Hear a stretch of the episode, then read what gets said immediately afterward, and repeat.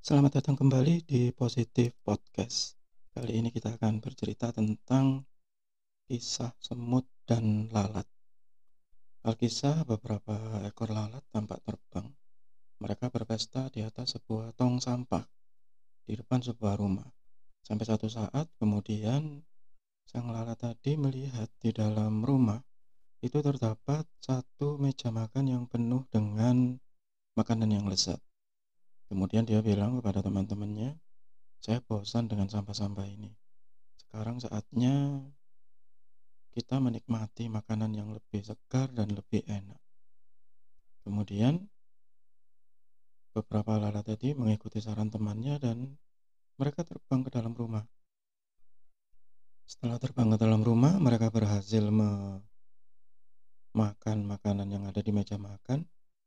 Kemudian mereka ingin keluar dari rumah tersebut.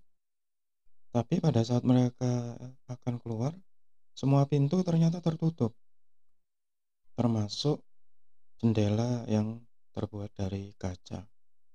Kemudian lalat-lalat tadi berusaha keluar dan ternyata dia menabrak jendela kaca tadi. Setelah menabrak jendela kaca tadi, dia tidak menyerah. Dia tetap terbang dan menerjang kaca itu, dan terus berusaha keluar dari rumah. Dan itu dilakukan berulang kali, menabrak kaca dari atas ke bawah, dari kiri ke kanan, dan terus dan terus. Hingga pada saat sore hari, si lalat tadi merasa lelah dan kelaparan, hingga akhirnya dia lemas di lantai. Saat dia lemas di lantai, datang serombongan semut keluar dari sarangnya dan melihat lalat yang sudah tidak berdaya tadi. Rombongan semut tadi kemudian beramai-ramai menggigit tubuh lalat tadi sampai mati dan mengangkut bangkai lalat tadi ke sarang mereka. Seekor semut yang masih muda kemudian bertanya kepada yang lebih tua, "Ada apa sebenarnya dengan lalat ini?" Kenapa kita hampir setiap hari mengangkut mereka dan sepertinya mereka ini mati sia-sia. Dan kita selalu melihat mereka ini sudah berusaha dan sangat bersungguh-sungguh berjuang untuk keluar dari pintu kaca tersebut. Tapi hasilnya selalu sama. Dia frustasi dan kelelahan sehingga akhirnya jatuh dan menjadi menu makan malam kita semut yang masih muda tadi masih penasaran dan bertanya. Saya masih tidak mengerti. Padahal si lalat ini sudah berusaha keras, kenapa dia tidak berhasil? Sambil berjalan, seekor semut yang lebih tua kemudian menjawab, Lalat ini sebenarnya tidak pernah menyerah. Dia mencoba dan mencoba berulang kali. Hanya saja, saat dia melakukannya, dia selalu melakukan dengan cara yang sama. Dia selalu menabrak pintu kaca yang sama. Dia tidak pernah melakukan sesuatu dengan cara yang berbeda atau mencari jalan keluar yang lain. Padahal di atas jendela ini ada ventilasi, ada lubang yang dia bisa masuk ke dalamnya. Kemudian dia Berkata semut yang lebih tua tadi, itu yang perlu diingat. Jika kita melakukan sesuatu dengan cara yang sama dan mengharapkan hasil yang berbeda, maka nasib kamu akan seperti lalat ini. Ya, begitulah garis terang dari kisah ini bahwa seorang pemenang tidak akan melakukan cara-cara yang sama setiap waktu tapi dia akan selalu mencoba cara-cara yang berbeda agar bisa mendapatkan hasil yang berbeda. Karena jika kita tidak pernah belajar dan hanya tetap melakukan cara yang sama berulang-ulang, maka kita akan menjadi seperti lalat tadi. Tetap sehat, tetap semangat, kita berjumpa lagi di episode berikutnya bersama Positif Podcast. Selamat datang kembali di Positif Podcast. Kali ini saya bercerita tentang kisah klasik tentang se kisah sebuah koin yang bengkok. Alkisah seorang lelaki keluar dari pekarangan rumahnya. Kemudian dia putus asa karena sudah lama menganggur dan berjalan untuk mencari pekerjaan baru. Pada satu saat, saat dia berjalan dia menemukan sebuah koin yang terlihat tua dan kuno dan bengkok. Ah, ini ternyata koin kuno yang bengkok. Mungkin ini tidak ada harganya begitu katanya. Kemudian karena dia tidak punya uang, dia tetap membawa koin kuno tadi ke sebuah toko yang dia tahu bahwa si bapak pemilik toko tadi kolektor koin kuno. Kemudian dia memberikan koin kuno yang bengkok tadi ke si kasir. Kemudian sang kasir bilang, tolong ini dibawa ke kolektor saja. Dia memberi alamat seorang kolektor.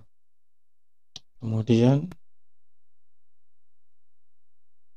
Kemudian kolektor tadi menilai koin tadi seharga 300 ribu. Saking senangnya lelaki tadi kemudian dia pada perjalanan pulang melewati sebuah toko perkakas dan melihat beberapa lembar kayu yang sedang diopral. Dia berpikir dia akan membuatkan rak untuk istrinya karena istrinya bilang bahwa saat ini dia sedang membutuhkan rak. Setelah membeli kayu tadi seharga 300 ribu, dia mengangkut kayu tadi untuk pulang. Pada saat pulang dia bertemu dengan seorang pembuat mebel. Sang pembuat mebel tadi melihat kayu yang diangkat oleh si lelaki yang sebelumnya menemukan koin tadi. Wah ini kayunya sangat bagus. Warnanya bagus dan mutunya juga bagus. Ini sangat berharga. Saya beli ya kayu ini, kata dia. Sang lelaki tadi kaget dan berkata, loh, mau dibeli berapa? Sang pembuat mebel tadi menawarkan harga satu juta. Sang lelaki tadi kemudian sedikit bingung dan akhirnya menjual kayu-kayu yang akan dia gunakan untuk membuat rak istrinya tadi. Sehingga dia sekarang memegang uang sebesar satu juta. Setelah itu dia pulang. Kemudian pada saat dia pulang dia melihat seorang wanita yang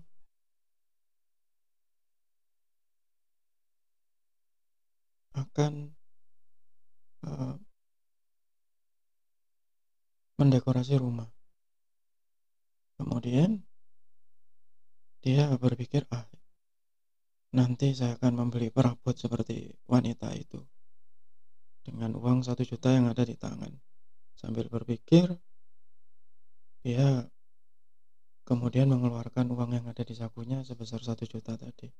Pada saat dia mengeluarkan uang, ternyata ada seseorang dari semak-semak yang berniat jahat, kemudian membawa pisau dan merampok lelaki tadi dan merampas uang sebesar satu juta tadi. Akhirnya sang lelaki tadi menyerah dan menyerahkan uang satu juta yang dia peroleh sebelumnya. Pada akhirnya kemudian dia pulang pada sore hari. Kemudian istrinya bertanya kepada dia, kamu tadi tidak apa-apa begitu. Aku tadi dengar dari tetangga bahwa ada perampokan dan ciri-ciri orang yang dirampok seperti kamu, kata istrinya. Yang lelaki tadi tersenyum. Kemudian istrinya bertanya lagi, betul itu kamu yang dirampok? Apa yang diambil dari dirimu? Sang lelaki tadi menjawab, tidak ada. Yang diambil oleh si perampok tadi hanya satu koin bengkok yang aku temukan tadi pagi. Sang istri kemudian heran, hanya itu? Ya, hanya itu. garis terang dari kisah ini adalah bahwa kita ini sebenarnya tidak pernah memiliki apa pun. Semua yang kita miliki adalah amanah dari Tuhan. Hanyalah anugerah dari Tuhan dalam wujud yang berbeda-beda. Entah itu berupa uang, entah itu berupa kekayaan, entah itu berupa keluarga, ataupun nikmat yang pada saat ini sedang kita miliki, misalnya kesehatan. Kita hanya perlu bersyukur, tidak perlu tenggelam dalam kesedihan yang berlebih. Jika suatu saat anugerah tadi diambil oleh Tuhan, kita hanya perlu berpikir bahwa kita akan pasti dapat gantinya dengan cara yang lebih baik. Tetap sehat, tetap semangat. Kita akan berjumpa lagi di episode berikutnya bersama Positif Podcast. Selamat datang kembali di Positif Podcast. Kali ini saya bercerita tentang dialog seekor anak unta dengan induknya. Alkisah seekor unta muda bertanya kepada induknya, Ibu, boleh aku bertanya sesuatu? Kata sang anak. Ya anakku, kata sang ibu. Kemudian si anak menjawab bertanya, bertanya kenapa kita punya punuk sedangkan gajah, rusa, mereka tidak memiliki punuk seperti kita. Sang induk menjawab, karena kita ini adalah binatang yang hidup di padang gurun dan punuk ini kita gunakan untuk menyimpan persediaan air. Kita itu dikenal sebagai hewan yang dapat bertahan tanpa air, kata sang induk. Kemudian sang anak bertanya lagi, kenapa kita berbeda dengan gajah dan rusa? Kenapa kaki kita panjang? Lebih panjang dari mereka dan lebih bulat. Sang induk menjawab lagi, itu sudah gak, sudah jelas anakku. Karena kita hidup di padang gurun, maka dengan kaki sepanjang ini, maka kita bisa berjalan lebih cepat dari yang lain. Sang anak bertanya lagi, kepada induknya. Ibu, kenapa kita punya alis yang panjang? Alis mata kita sangat panjang dibandingkan hewan-hewan yang lain. Sang ibu kemudian menjawab lagi. Alis ini, kata sang ibu, itu berguna bagi kita agar kita tidak mudah terkena butiran pasir yang berterbangan di padang gurun. Begitu kata sang ibu. Kemudian sang anak berbicara. Jadi gunung ini kita gunakan untuk menyimpan air saat kita di padang pasir. Kaki ini kita gunakan di padang pasir supaya bisa berjalan lebih cepat. Alis mata ini melindungi kita, melindungi mata kita dari butiran pasir. Iya betul itu, kata sang ibu. Kemudian sang anak tadi bertanya, tapi sekarang kita ini ada di kebun binatang, Ibu. Terus untuk apa semua yang kita miliki ini? Sang ibu tadi kemudian akhirnya menyerah dan terdiam. Garis terang dari kisah ini adalah terkadang apa yang kita miliki itu tidak sesuai dengan apa yang kita butuhkan. Di dalam hidup, kita seharusnya mendahulukan hal-hal yang kita butuhkan daripada hal-hal yang kita inginkan. Kita harus membaca situasi di mana kita sekarang. Dan sering kali kita malah melewatkan hal-hal yang kita butuhkan karena kita hanya mengejar hal-hal yang kita inginkan. Tetap sehat, tetap semangat. Kita berjumpa lagi di episode berikutnya bersama Positif Podcast. Selamat datang kembali di Positif Podcast. Kali ini saya akan membacakan beberapa kata-kata bijak yang sering bertebaran di internet yang sumbernya juga anonimus. Kata bijak yang pertama, jika kekuatan Anda kecil, jangan membawa beban yang berat. Jika kata-kata Anda yang tidak berharga, jangan memberikan nasihat. Kata bijak yang kedua, permata tidak dapat dipoles tanpa gesekan. Ini artinya tidak ada satu orang pun yang hebat melaluinya tanpa cobaan.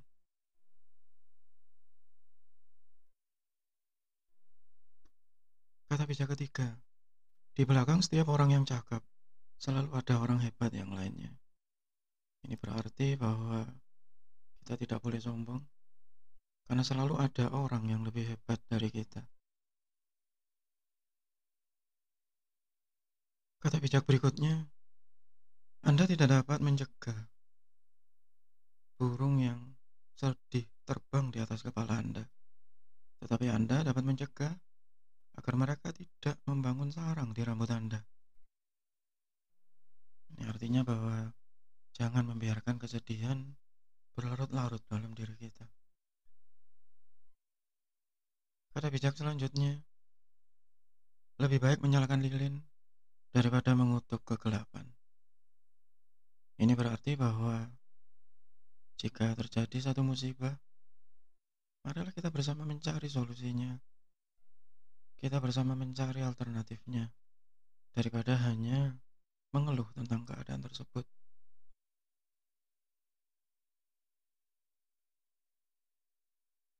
Kata bijak yang terakhir, sebuah berlian yang memiliki cacat di dalamnya lebih baik daripada batu biasa yang dianggap sempurna. Ini berarti bahwa jika kita memiliki kelebihan, jika kita memiliki keunggulan, meskipun ada kekurangan di dalamnya, jika dipoles dengan cara yang benar, maka akan menjadi sesuatu yang sangat berharga. Dibandingkan kita hanya memiliki kemampuan yang banyak dimiliki oleh orang lain, maka kita akan hanya menjadi batu yang umum. Tetap sehat, tetap semangat. Kita bertemu lagi di episode berikutnya bersama Positif Podcast.